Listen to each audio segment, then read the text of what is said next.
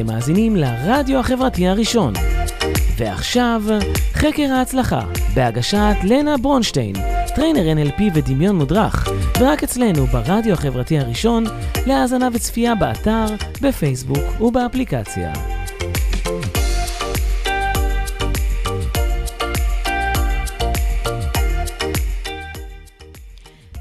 ערב טוב, חברים שלי, ותודה שהצטרפתם אליי לתוכנית חקר הצלחה ברדיו החברתי הראשון. ממליצה לכם להוריד את האפליקציה של הרדיו החברתי הראשון כבר עכשיו ולהיות מעודכנים עם כל התוכניות הכי חמות שלנו. אני אלנה ברונשטיין, טרנר NLP ודמיון מודרך, וכבר הרבה שנים אני חוקרת הצלחות, הרגלים, השפעה של אמונות מגבילות ומקדמות, ושמחה לחלוק את הידע והניסיון שלי איתכם. ואת האמת, אני מאוד התגעגעתי. תגידו לי בבקשה, כשקמתם היום בבוקר, מה היה הדבר הראשון שעשיתם? נכנסתם למקלחת, בדקתם אימיילים, פייסבוק, נכנס, נכנסתם לאינסטגרם, או לקחתם איזושהי עוגה מהשיש? האם צחצחתם שיניים לפני שהתקלחתם או אחרי? מה אתם אומרים? רוב הבחירות שאנחנו עושים מדי יום, אנחנו עושים אותן מתוך דבר אוטומטי לגמרי. אנחנו אולי חושבים שאנחנו נמצאים כל הזמן באיזשהו תהליך קבלת החלטות, אבל תכלס, זה הכל הרגלים. ולכל אחד מאיתנו יש הרגלים. ולעיתים קרובות קורה שאנחנו צריכים לשנות אותם, או אפילו לשחרר אותם לחלוטין מהחיים שלנו, וזה מאוד יכול להיות מאתגר ואפילו קשה, ואפילו כואב לעשות את הדבר הזה. והיום אני אספר לכם למה זה קורה. למה כל כך קשה לנו לעשות שינוי הרגלים. ההרגלים יכולים להיות טובים ורעים. הסכנה של הרגלים הרעים היא שהמוח פשוט מפסיק להעריך את הפעולות שלנו באופן אובייקטיבי.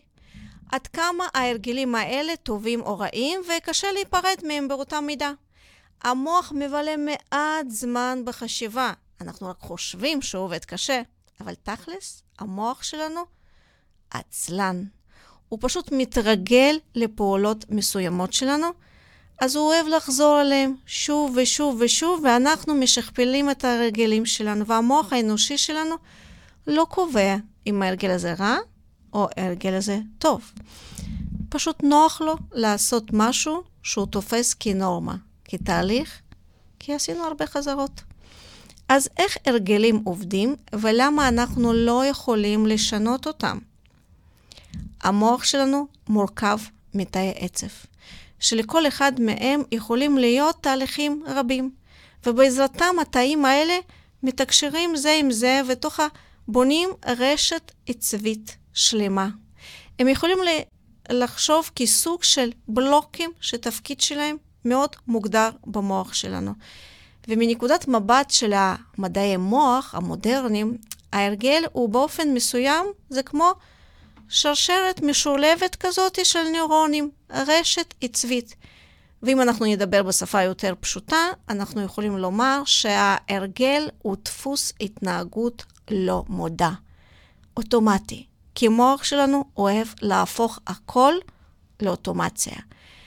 כמו שעכשיו רוצים לייצר אה, מכוניות אוטומטיים, אצלנו המוח כבר המון זמן עובד באופן אוטומטי, כדי לחסוך משאבים, כדי לחסוך אנרגיה, כי מוח מכניס אותנו לתהליכים אוטומטיים. לדוגמה, בשנים הראשונות של החיים שלנו, התינוק לומד ללכת. הוא נופל וקם ונופל וקם, ובסופו של דבר הוא נופל שוב ושוב קם. לוקח לו זמן עד שהוא מבין, והרגליים שלו כבר מזיזות, זזות באופן אוטומטי, וההליכה שלו הופכת לריצה. כי זה משתלם יותר למוח להפוך את הפעולה הזו לבלתי רצונית. יוצאת משליטה של מודע. כמה זמן לוקח להיווצר הרגל?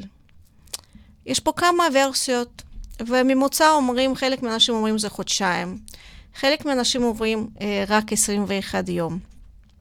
אבל לכל אחד יש את ההרגלים שונים, וגם התהליכים אה, לבצע אה, הרגלים שונים לגמרי. זה מאוד תלוי בהרגל, זה מאוד תלוי בפיזיולוגיה ופסיכולוגיה של אותו, דבר, אותו בן אדם. במקרה הזה, ההבדלים האישיים חזקים מאוד. הכל תלוי בסביבה. הסביבה גם של האדם מאוד אה, מאוד משפיעה על ההרגלים. אז אל תקשיבו למיתוסים שאומרים 21 יום, או שבועיים, או יומיים, או חודשיים. זה מאוד אינדיבידואלי. ומדוע ההרגלים הרעים האלה נוצרים מהר יותר מטובים?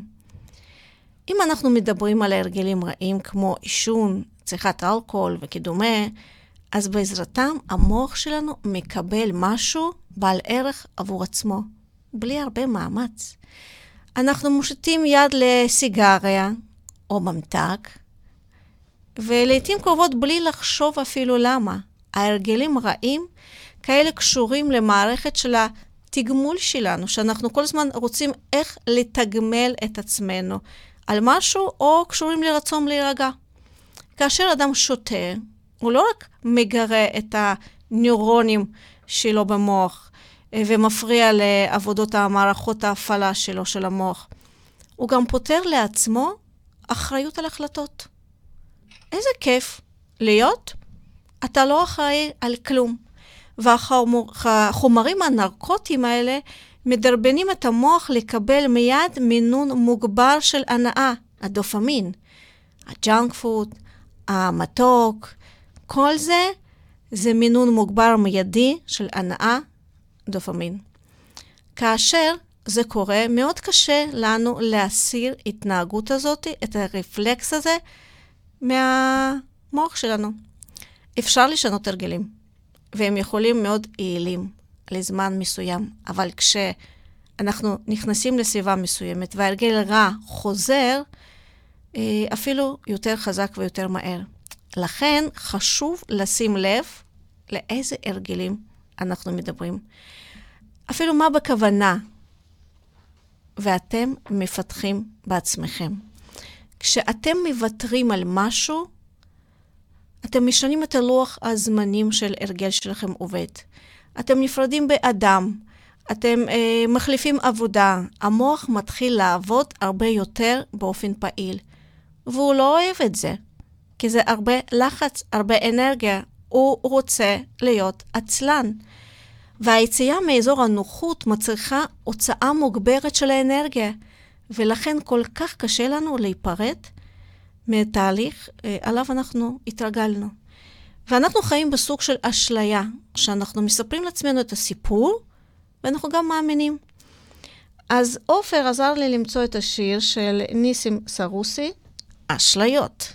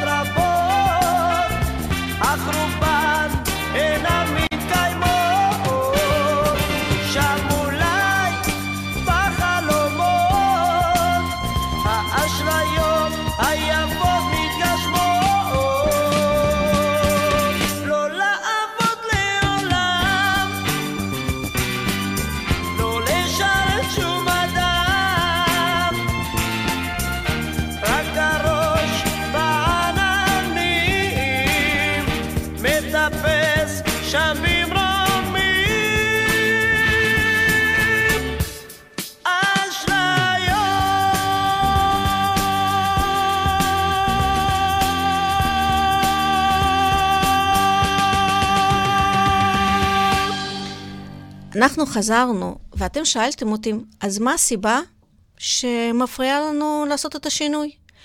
אז אחת מהסיבות השכיחות ממש זה חוסר ודאות. כי כל שאנחנו נחשוף את עצמנו לשינויים כאלה או אחרים, ככה יהיה לנו יותר קל להתגבר עליהם לאורך הזמן. ויגיע ביטחון עצמי. הביטחון עצמי זה רק עם ניסיון.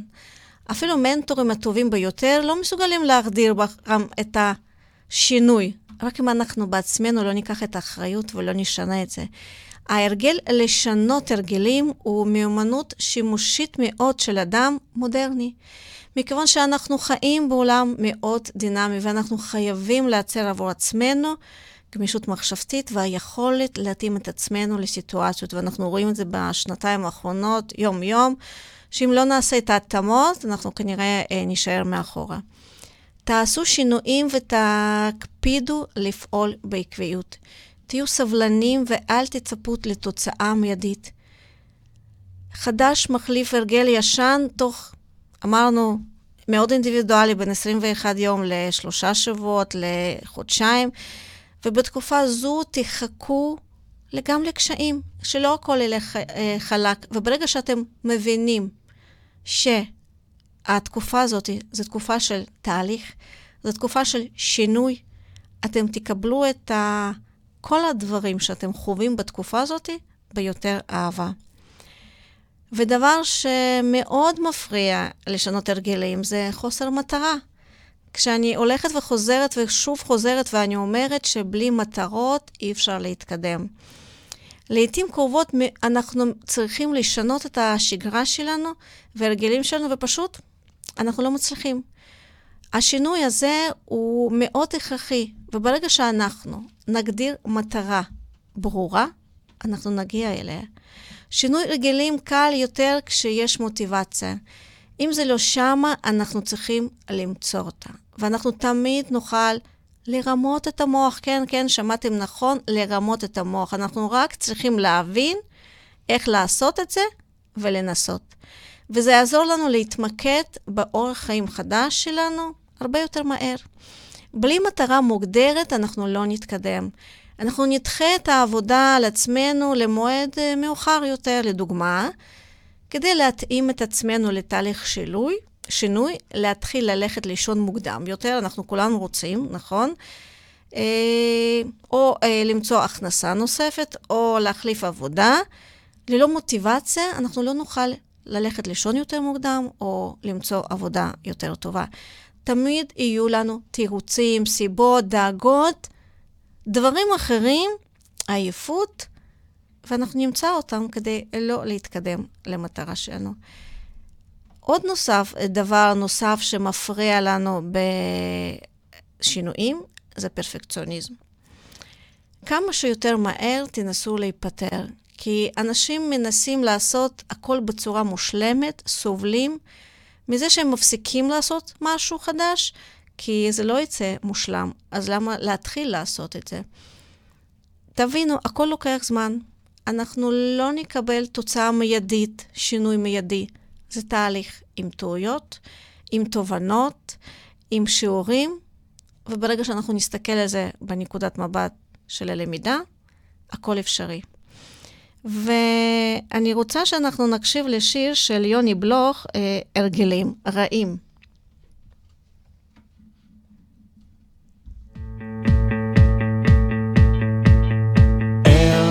מסתדר, גם אחד אחר. אני אומר שאם לפעמים זה הורס, הרגלים רעים לא משתנים.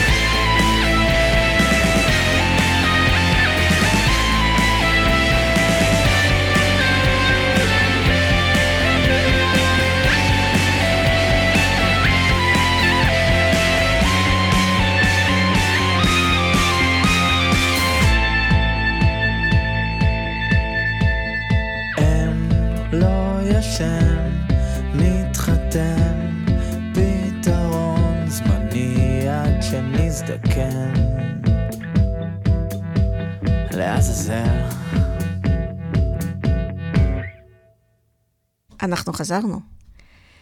כשמדובר ביצירת הרגל טוב כביכול, אז בדרך כלל המוח צריך לבצע פעולה מסוימת, ולא תמיד נעימה.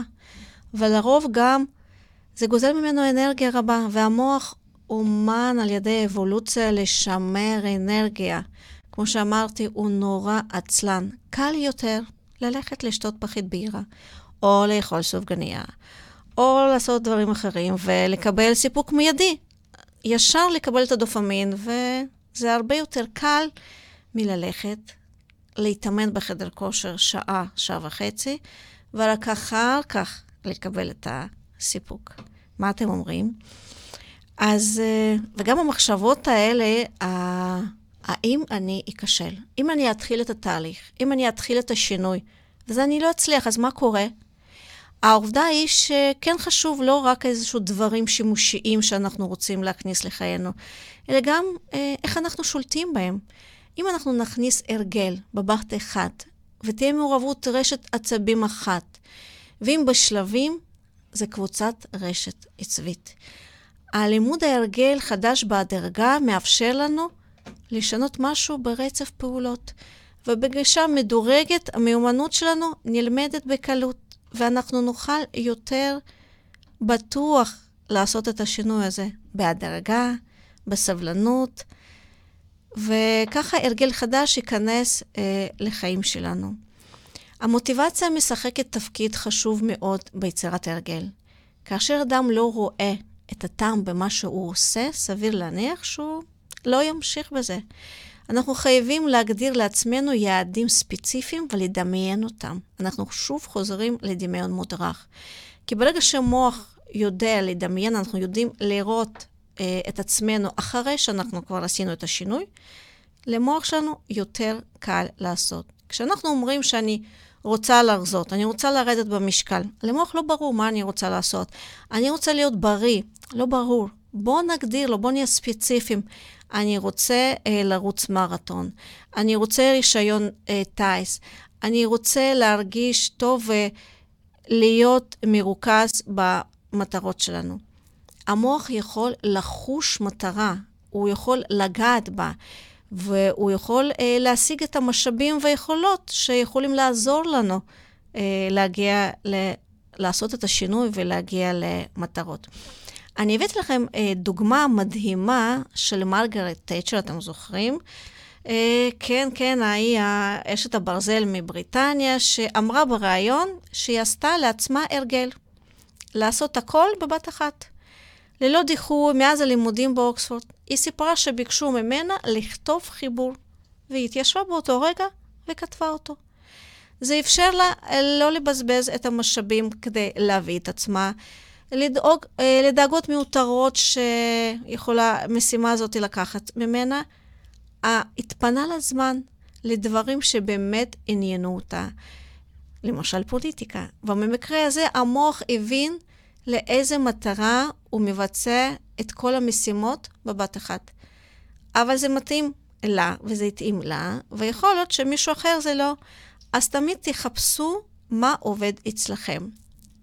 תתחילו להתנסות, ותראו, תחקרו מה עובד הכי טוב עבורכם. פיתוח הרגל חדש זה עבודה, ולכן לא הגיוני להציב על עצמכם בבת אחת כל כך הרבה שינויים. תתחילו ממשהו אחד, אה, ותראו איך אתם מתקדמים עם זה. מה עוד עוזר להצלחת תהליך השינוי? מאוד עוזר לחלוק את ההרגל הבריא או הרגל אחר עם מישהו. ללכת לספורט עם מישהו, לקחת מישהו איתכם לבשל אוכל בריא. כאן מגיע הרגע התחרותי, ההתחייבות, המוטיבציה שאנחנו מאוד רוצים לנצח לקבל מחמאות. אה, זה מאוד עוזר לנו בשינויים. מה עוד עוזר לנו בשינויים, אתם שואלים? זה כוח רצון. אני הייתי מגדירה כוח רצון כמכלול מאוד חשוב בתהליך שינוי הרגלים. הבעיה היא שיש הרבה דיבורים וכל מיני זרמים שאומרים שכוח רצון כמעט בלתי אפשרי לאמן בשום צורה.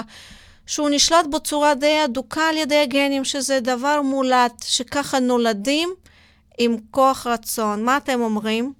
האם אפשר לאמן כוח רצון? אני מאמינה שאפשר להיעצר ולפתח אותו, כמו שאנחנו מפתחים שריר חדש בחדר כושר. זה בהתחלה יהיה מאוד קשה, יותר מאתגר, אבל ברגע שאנחנו מתחילים לראות את השינוי הכי קטן, אנחנו על זה ואנחנו ממשיכים עם המוטיבציה ועם כוח רצון גדול. אתם חייבים לזכור שאנחנו שונים. ולחלק מהאנשים יש מוטיבציה פנימית יותר חזקה, ולמישהו פחות. ולקחת את זה בחשבון כשאנחנו עובדים על השחרור של הרגלים שלנו ומייצרים הרגלים חדשים. אנחנו חייבים להבין שכוח הרצון הוא משאב מוגבל מאוד. נגיד אם בן אדם רוצה לשנות באופן דרמטי את אורח חיים שלו, הוא גם עושה דיאטה, הוא גם מפסיק לעשן, הוא גם מתחיל לעשות ספורט, ברור שכל כך הרבה משימות הוא לא יכול לעשות, לא יישאר לו כוח להרגלים אחרים או לכישורים. וכשאנחנו מחליטים לשנות הרגל, זה לא כל כך קל. ומבחינת האנרגטית זה מועיל יותר למוח לעבוד לאורך מה שהוא כבר מכיר. זה חוסך המון אנרגיה, והמוח נדלק כשאנחנו מוצאים משאבים רבים חדשים כדי ליצור קשרים עצביים חדשים. וברגע שהעניין הופך להרגל, זאת אומרת, ההרגל החדש שאנחנו רק משנים הופך להיות הרגל, אז הוא שוב הופך לדבר אוטומטי, וההרגל החדש הפך להיות לתגובה האוטומטית שלנו, כי אנחנו שוב חוזרים לטייס אוטומטי. ואני רוצה לתת לכם כמה טיפים איך לעבור במהירות ובצורה טובה יותר להרגלים החדשים ואיך אפשר לשנות את החיים שלנו. תתחילו להתלהב. ההתלהבות זה מחויבות הכי נדירה. לעשות משהו פעם אחת זה לא קשה, זה אפשר לעשות. מתי מתחילה להתעורר בעיה? כאשר אנחנו חייבים להתמיד, כשאנחנו צריכים להיות עקבים בשינוי שלנו. ולעיתים קרובות אנשים חסרים את התמריצים האלה שמתאימים לשינוי שלנו. העקביות והסבלנות יכולים מאוד לעזור לנו. אם אנחנו רוצים להתפתח ולשנות את עצמנו, קודם כל, אנחנו צריכים לשים לב, לפתח את הסבלנות והעקביות. המוטיבציה היא מקום שבו אנחנו מתחילים. קחו את הרגע שהמוטיבציה מאוד אקטיבית ותתחילו שמה לעשות את השינוי. אה, זה מאוד פשוט. לקחת את הגל מוטיבציה ולהרגיש אותו, איך המוטיבציה הזאת דוחפת אותנו לפעילות אמיתית. וכשיש לנו את המצב רוח טוב והעיניים בוערות ואנחנו מדברים על זה שאנחנו כל כך רוצים, גם האנשים הכי עצלנים אה, עושים את השינויים. ואני רוצה שאנחנו נקשיב לביצוע מיוחד של משינה עד העונג הבא. שוב זו תקופה של גאות בחיי, מים רבים שוטפים את תחושיי, אני נמשכת. והופכת לחיה, חושך למפלצת רטובה, ושתו לילה לפיה הטובה, מתוקה ופורסת את האור מחבה, וזורמת הלאה עד העונג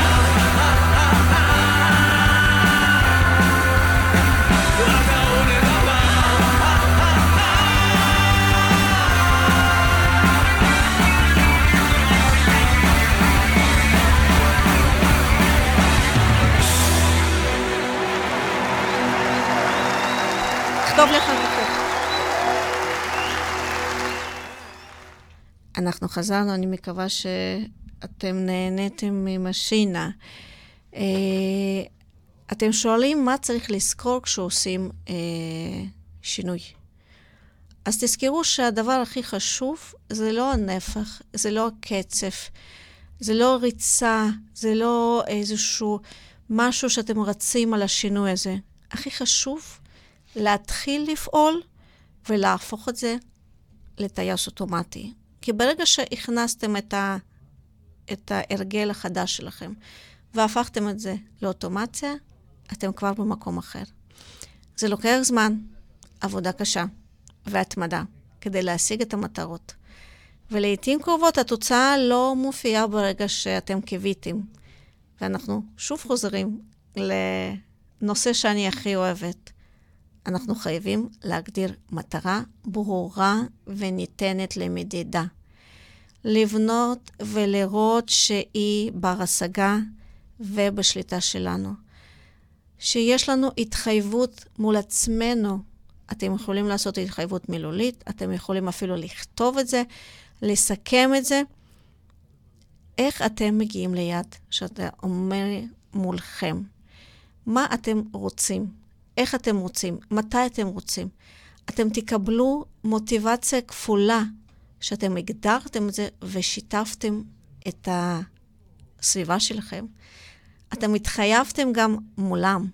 כי כשיש לנו חובות כלפי אנשים אחרים, אנחנו, אנחנו עומדים בהתחייבויות האלה הרבה יותר ממה שאנחנו התחייבנו מול עצמנו. אין צורך למצוא עבור אדם ספציפי משהו. הכוונות פומביות צריכים להיות כדי להפעיל לנו את המוטיבציה, להפעיל לנו את הכוח רצון. וכדי שההרגל החדש אה, לא ירד מהתוכנית שלנו. אנחנו מנסים לשנות משהו בחיים, ואנחנו במלחמה עם כל המנגנון הנוירולוגי שלנו. להוריד אותם מהקרקע זה לא כל כך קל, עדיף לנסות להתנהד. ועם זאת, ללא רמת העקביות המתאימה, אנחנו לא נוכל אה, לעמוד בזה.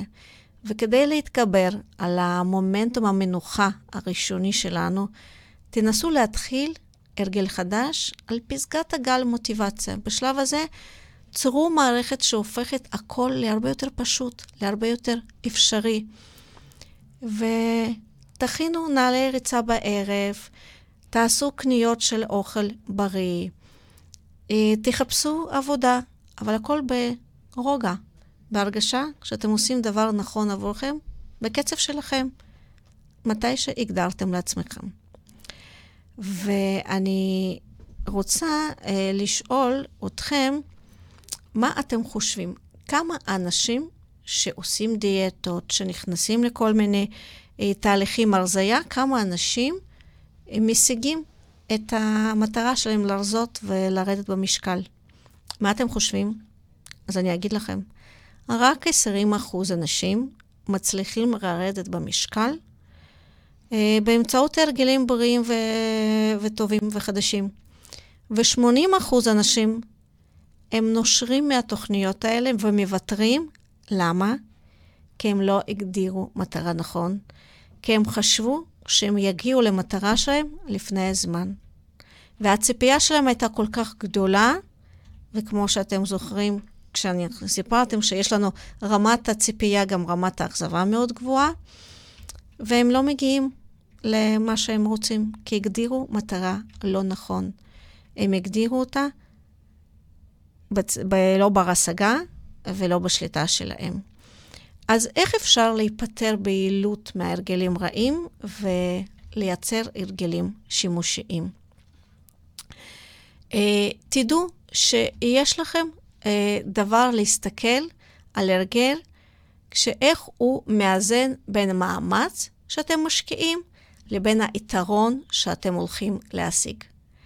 קחו גם בן אדם שהוא ישן גרוע, ולא קיבל מספיק מנוחה, ולא קיבל מספיק אוח, אה, אוכל, והוא מאוד עייף. המוח שלו יהיה במצב משבר של תכנון לטווח קצר.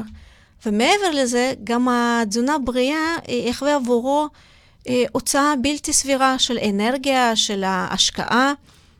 הוא לא יכול לעמוד בזה. הוא מרגיש עייפות וצורך בדופמין, ומתי הוא יקבל אותו? נכון, אתם צודקים. כשהוא ילך למקרר ויקח שם משהו שלא כל כך בריא, הוא מיד מקבל את הדופמין שלו. הוא מיד יקבל אה, רמז מהמוח שלו ללכת ולאכול פיצה, קרואסון או סנדוויץ'.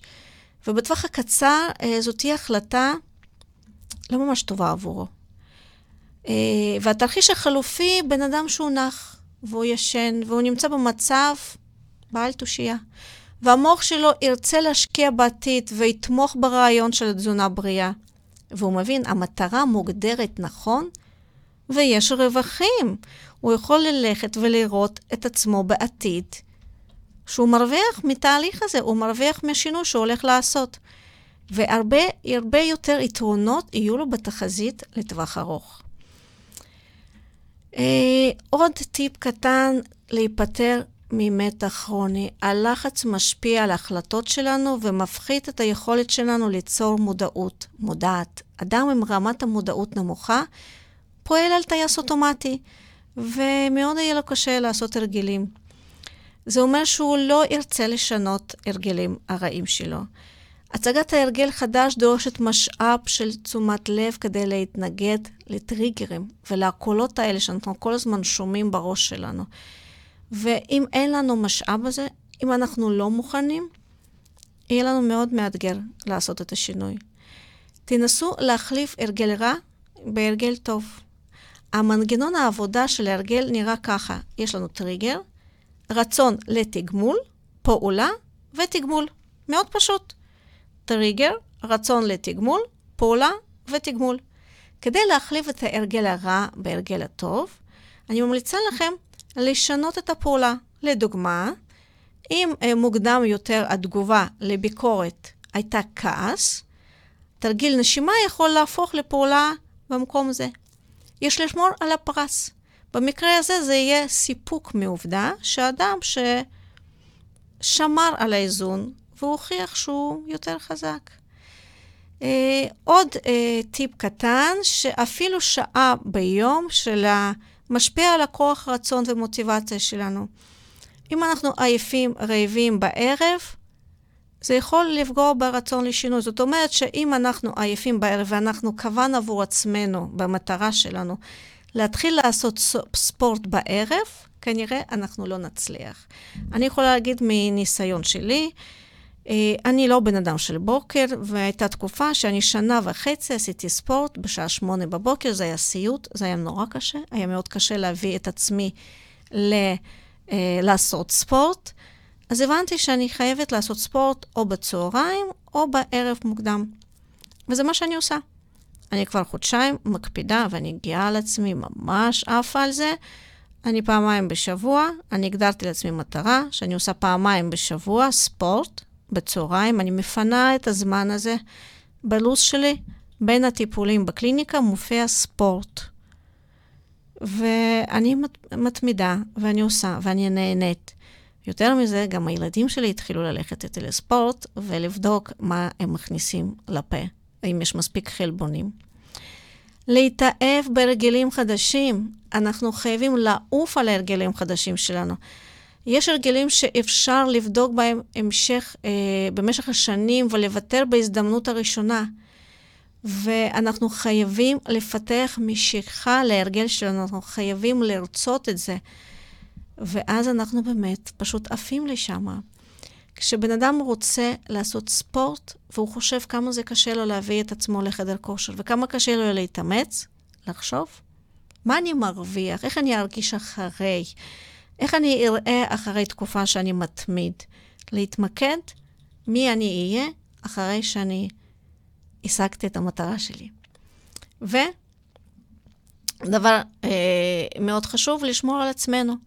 חשוב להבין מה מניע אותנו בצורה טובה יותר ומה מעורר. למצוא טריגרים לפעילות יומיומית ולנתח את ההתנהגות. זאת אומרת, כמו שאמרתי, אם אני בבוקר לא יכולה להתאמן, אז לא לקבוע אימון בבוקר. אם אני אה, אה, רוצה לשתות קפה, לראות האם אני יכולה להחזיק כמה עוד שעות בלי קפה. אם אני רוצה, ואני בהרגל, בהרגל השלילי שלי, שאני כל הזמן בפלאפון, אה, לראות ולהקטין את השעות שלי בפלאפון. ותעקבו אחרי הרגלים שלכם. אה, אם אתם הגדרתם לעצמכם לעשות עשר אלף צעדים ביום, אבל היום, נגיד היום קר מאוד, וגשם, וכנראה אנחנו לא נצליח לעשות עשר אלף צעדים ביום בחוץ, תעשו את זה בבית, תעשו משהו, תעשו איזושהי פעילות שיכולה לספק לכם את ההרגל. אתם זוכרים, לא חשוב לנו את הכמות וקצב, הכי חשוב לתמוך בהרגל. להפוך את ההרגל לאוטומציה, לטייס אוטומטי. ותישארו אה, עם זה בשקט. תחשבו איך זה עובד לכם, מה לא עובד לכם. תכתבו לכם, תבדקו מה יכול עוד לעשות, מה אתם עוד יכולים לעשות כדי שזה יצליח. תתחילו לנהל ממש יומן שאתם תצייגו שם את ההישגים שלכם. תגידו לעצמכם על מה אתם גאים היום, מה עשיתם טוב. ככה אנחנו בונים מודל של הצלחה, ותזינו את החלקים הדומיננטיים של הרצון שלכם. המוח שלנו פועל בצורה כזו שרשתות עצביות זקוקות להזנה על מנת להתחזק. וחפשו שותף למטרה. אם אתם רוצים להתחיל לרוץ בבוקר, תחפשו מישהו בבוקר, ואם אתם רוצים לרוץ בערב, תגרמו למישהו להרגיש כמוכם שיעזור לכם לרוץ. ותנסו לשמור על שגרה, שינה, עירות. שימו לב לתזונה שלכם. ההרגלים מסוימים עשויים לדרוש מכם יותר אנרגיה, ואנחנו צריכים לספק אותה. אה, עופר, איזה שיר אנחנו שומעים עכשיו? חנן בן ארי. אה, יפה מאוד. חולם כמו יוסף, מהמם, תודה.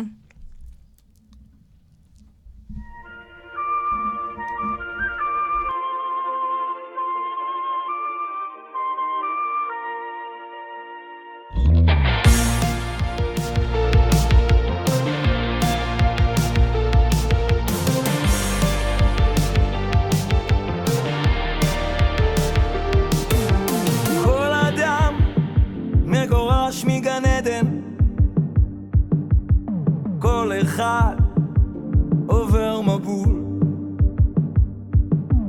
לכל אחד יש איזה הבל שהוא מקנא בו עד מוות, בכל אחת מגדל של מרד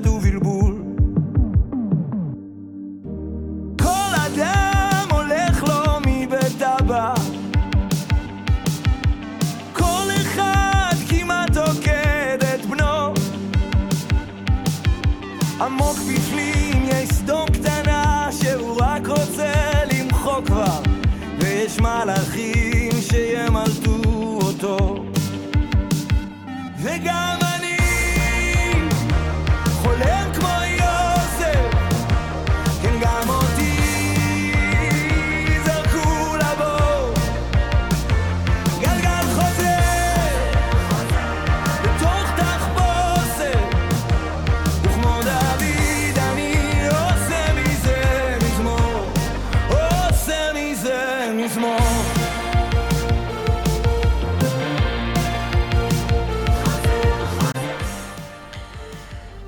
איך עברה השעה? אני לא הבנתי איך עברה השעה, אני מקווה שאתם נהנים כמוני.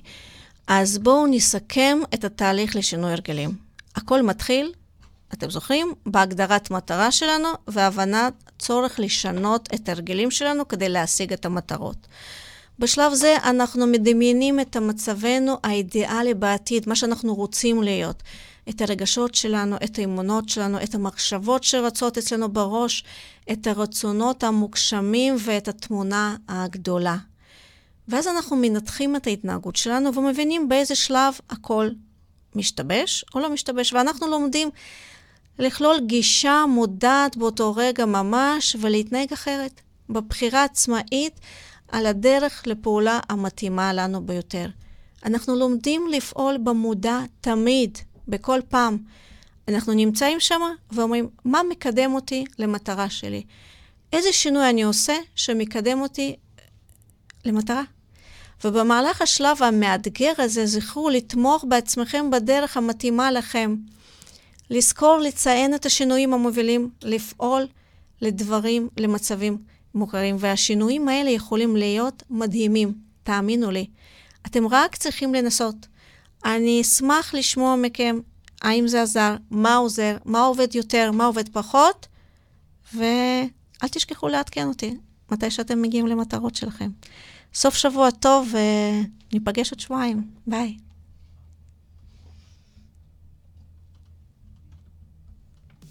מדיסה כמו דבורה, כל צבא שרק יבוא. כמו כל אחת, כמו רחל, כמו משה על הר נבו. וגם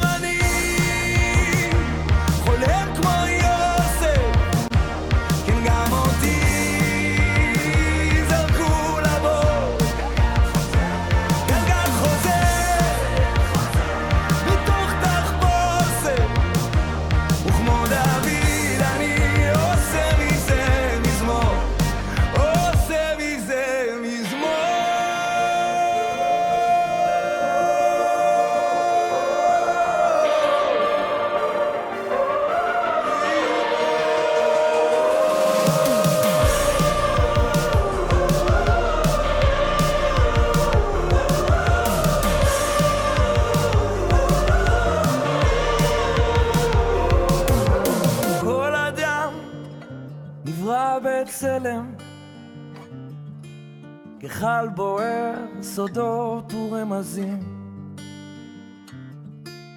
כל אחד הוא חומר טוב לסרט, תפקיד חדש בתוך סיפור עתיק יומי.